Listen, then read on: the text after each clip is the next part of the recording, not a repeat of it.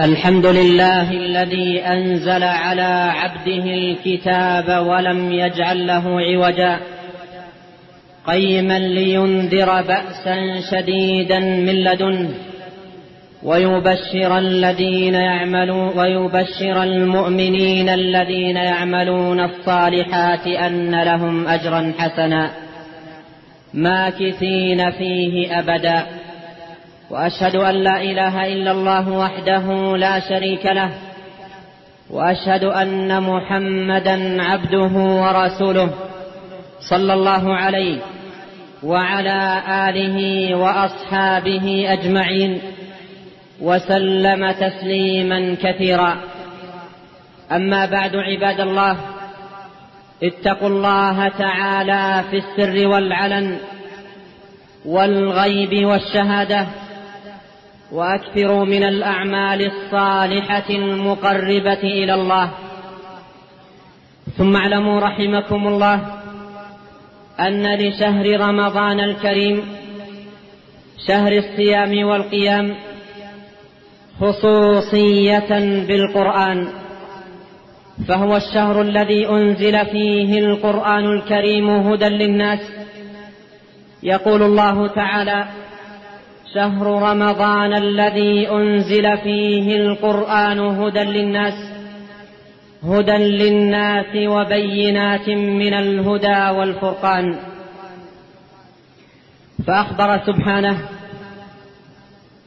بخصوصية شهر الصيام من بين سائر الشهور بأن اختاره من بينهن لإنزال القرآن العظيم فيه.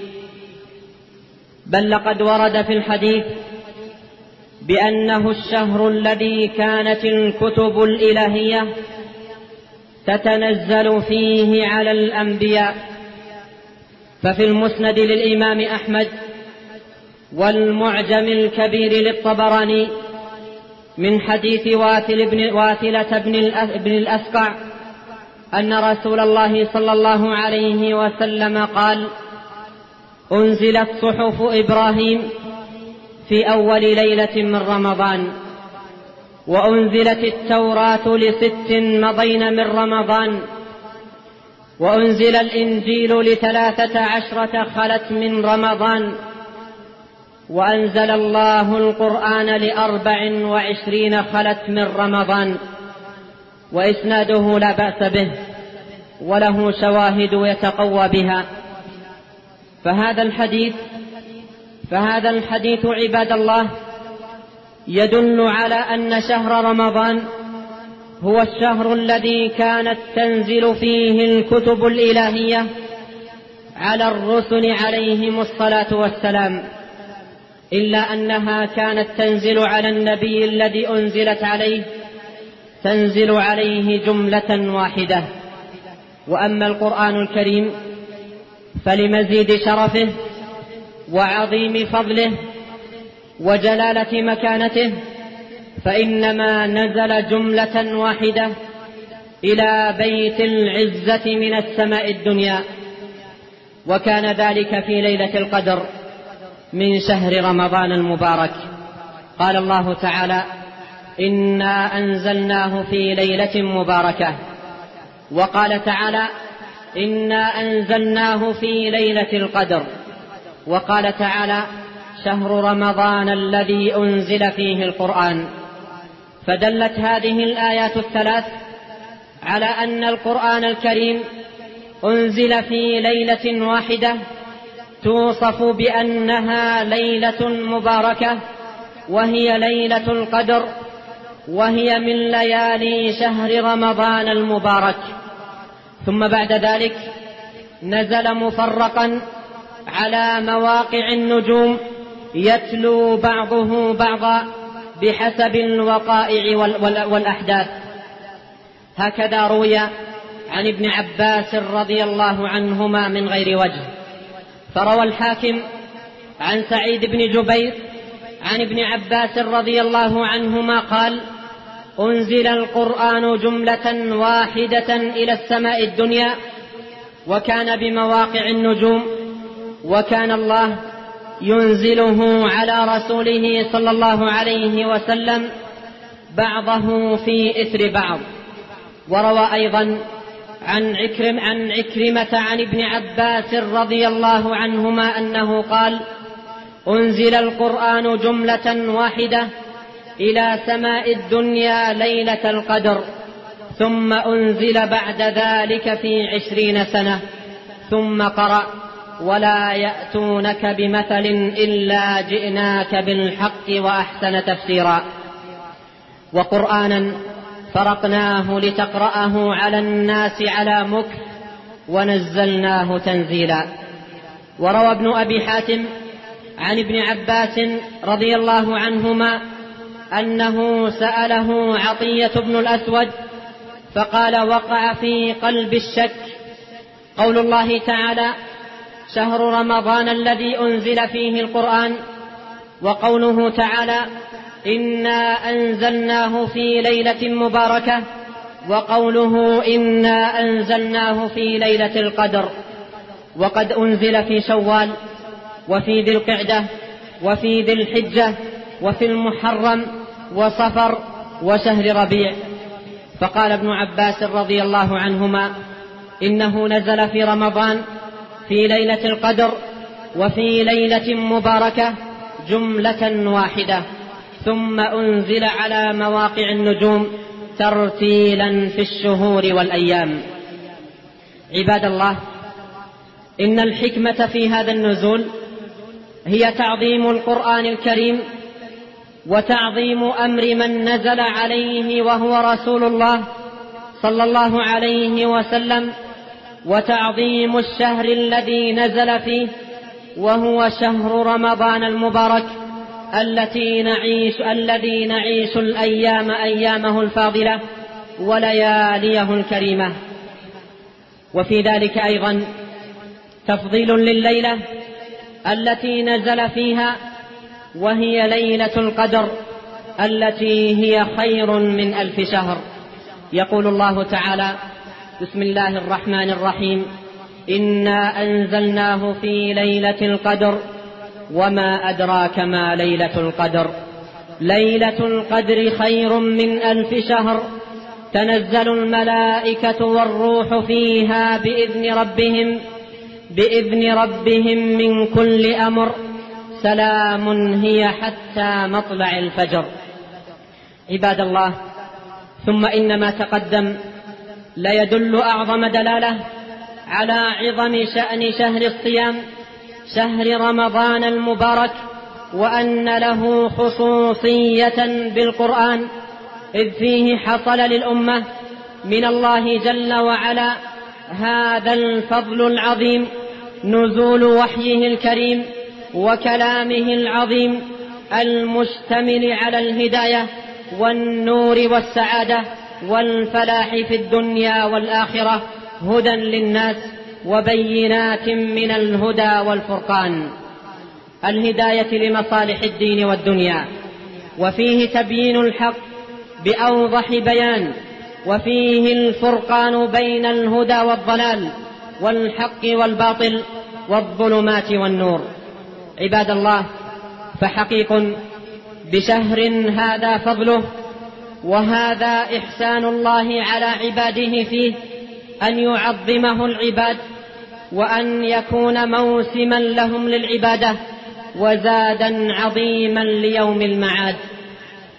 ويدل أيضا على استحباب دراسة القرآن الكريم في شهر رمضان المبارك والإجتهاد في ذلك والعناية بهذا الأمر أتم العناية والإكثار من تلاوة القرآن فيه وعرض القرآن على من هو أحفظ له والزيادة في مدارسته.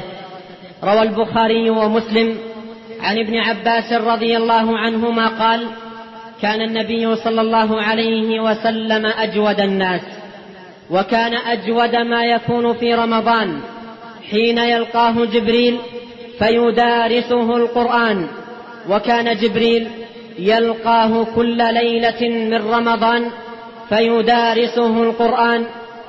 فلرسول الله صلى الله عليه وسلم حين يلقاه جبريل أجود بالخير أجود بالخير من الريح المرسلة. وقد كان صلى الله عليه وسلم يطيل القراءة في قيام رمضان بالليل أكثر من غيره وهذا أمر يشرع لكل من أراد أن يزيد في القراءة ويطيل وكان يصلي لنفسه فليطول ما شاء. وكذلك من صلى بجماعة يرضون بإطالته. وأما سوى ذلك فالمشروع التخفيف. قال الإمام أحمد لبعض أصحابه وكان يصلي بهم في رمضان قال هؤلاء قوم ضعفا اقرأ خمسا ستا سبعا. قال فقرأت فختمت ليلة سبع وعشرين. فأرشده رحمه الله إلى أن يراعي حال المأمومين فلا يشق عليهم. وكان السلف رحمهم الله يتلون القرآن في شهر رمضان في الصلاة وغيرها وتزيد عنايتهم به في هذا الشهر العظيم. فكان الأسود رحمه الله يقرأ القرآن في كل ليلتين من رمضان وكان النخعي يفعل ذلك في العشر الأواخر منه خاصة وفي بقية الشهر يختمه في كل ثلاث. وكان قتادة يختم في كل سبع دائما وفي رمضان في كل ثلاث وفي العشر الأواخر كل ليلة. وكان الزهري رحمه الله إذا دخل رمضان قال فإنما هو تلاوة القرآن وإطعام الطعام. وكان مالك رحمه الله إذا دخل رمضان يفر من قراءة الحديث ومجالسة أهل العلم ويقبل على تلاوة القرآن من المصحف. وكان قتادة يدرس القرآن في شهر رمضان. وكان سفيان الثوري إذا دخل رمضان ترك, ترك النوافل وأقبل على قراءة القرآن. والآثار عنهم في هذا المعنى كثيرة. رزقنا الله وإياكم حسن اتباعهم والسير على آثارهم ونسأله تبارك وتعالى بأسمائه الحسنى وصفاته العلى أن يجعل القرآن العظيم ربيع قلوبنا ونور صدورنا وجلاء أحزاننا وذهاب همومنا وغمومنا. أقول هذا القول وأستغفر الله لي ولكم ولسائر المسلمين من كل ذنب فاستغفروه يغفر لكم إنه هو الغفور الرحيم.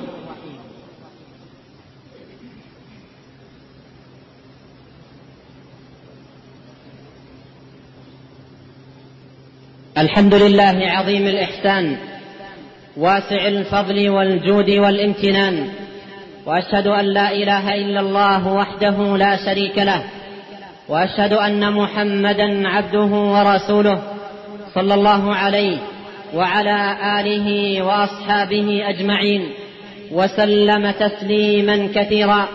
أما بعد عباد الله أوصيكم ونفسي بتقوى الله فإن من اتقى الله وقاه وأرشده إلى خير أمور دينه ودنياه. عباد الله إن العناية بالقرآن قراءة وحفظا تعلما وتعليما مدارسة ومذاكرة تدبرا وتفهما عناية وتطبيقا دعما ومساندة إن ذلك كله لمن سمات الأخيار. وعلامات الأبرار. وكلما ازدادت الأمة وازداد المسلمون تمسكا بكتاب الله وعناية به ومحافظة عليه تعلما وتعليما زادت فيهم الخيرية ونما فيهم الفضل وكثر فيهم الخير. روى البخاري في صحيحه عن عثمان بن عفان رضي الله عنه أن رسول الله صلى الله عليه وسلم قال خيركم من تعلم القرآن وعلمه فالخيرية عباد الله مرتبطة بالقرآن فكلما ازدادت الأمة تمسكا بالقرآن قراءة وحفظا تلاوة وتدبرا عملا وتطبيقا زاد الخير فيهم ونمى الفضل وعظم النبل. بحسب تمسكهم بكتاب الله جل وعلا. ولهذا روى أبو عبيد القاسم بن, القاسم بن سلام في كتابه فضائل القرآن عن عبد الله بن عمرو بن العاص رضي الله عنهما أنه قال عليكم بالقرآن فتعلموا وعلموه أبناءكم فإنكم عنه تسألون وبه تجزون. وكفى به واعظا لمن عقل. عباد الله إن شأن القرآن عظيم ومكانته عالية فهو سبيل عز الأمة وأساس سعادتها وطريق فوزها وفلاحها في الدنيا والآخرة. فالواجب علينا عباد الله أن تعظم عنايتنا بالقرآن وأن يزداد اهتمامنا به ولا سيما وأننا نعيش شهر القرآن شهر رمضان المبارك.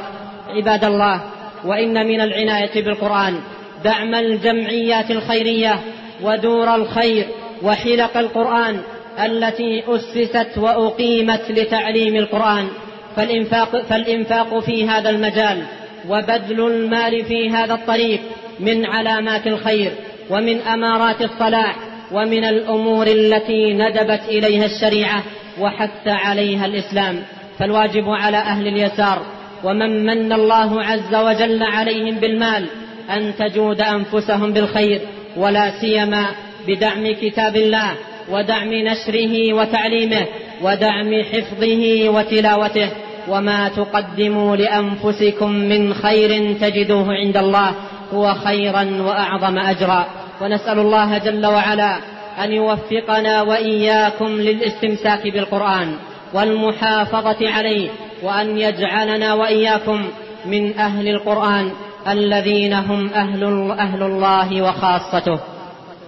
وصلوا وسلموا رحمكم الله على إمام المرسلين وقدوة الموحدين وقائد الغر المحجلين محمد بن عبد الله كما أمركم الله بذلك في كتابه فقال إن الله وملائكته يصلون على النبي. يا أيها الذين آمنوا صلوا عليه وسلموا تسليما.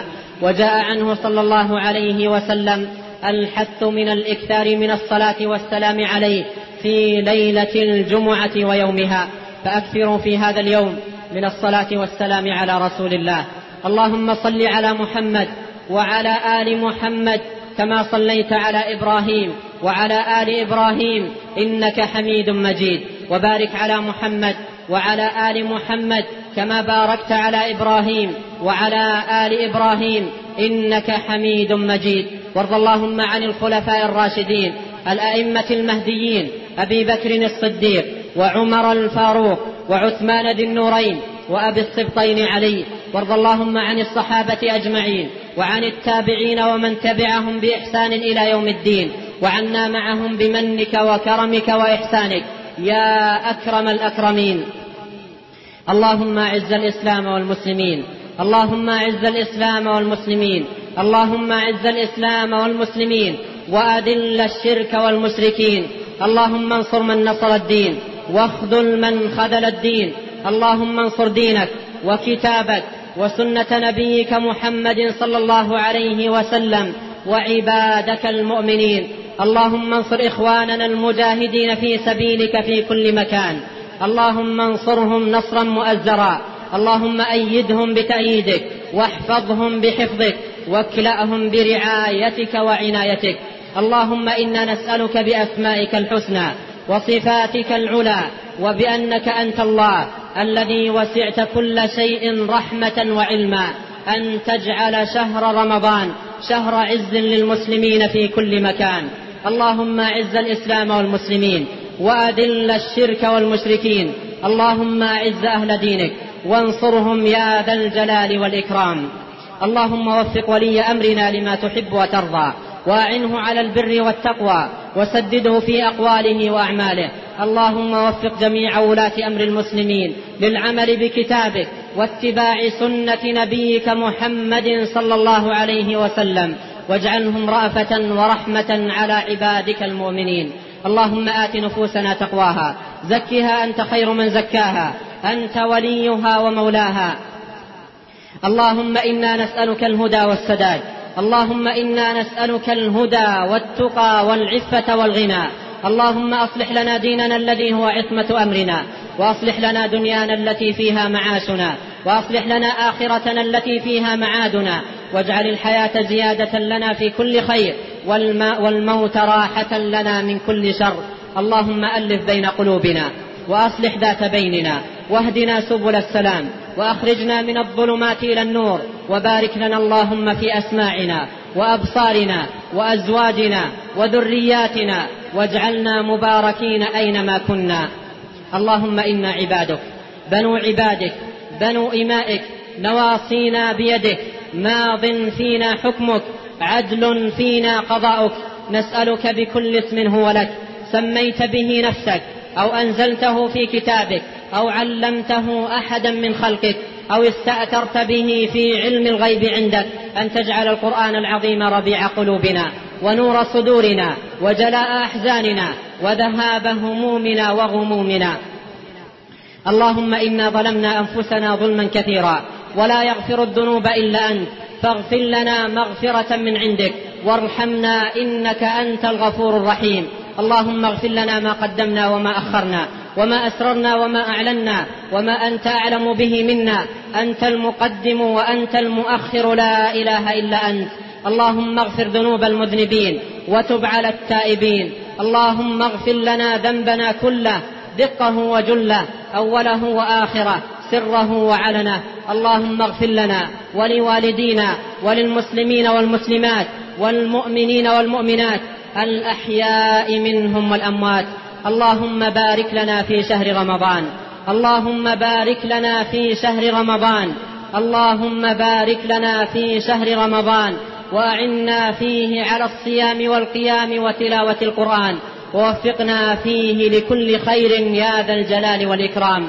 اللهم وإنا نتوسل إليك ونسألك بأسمائك الحسنى أن تسقينا الغيث ولا تجعلنا من القانطين. اللهم أسقنا وأغثنا. اللهم أسقنا وأغثنا. اللهم أسقنا وأغثنا. اللهم أسقنا غيثا مغيثا. هنيئا مريئا. سحا طبقا. عاجلا غير آجل. نافعا غير ضار. اللهم اسقنا الغيث ولا تجعلنا من القانطين.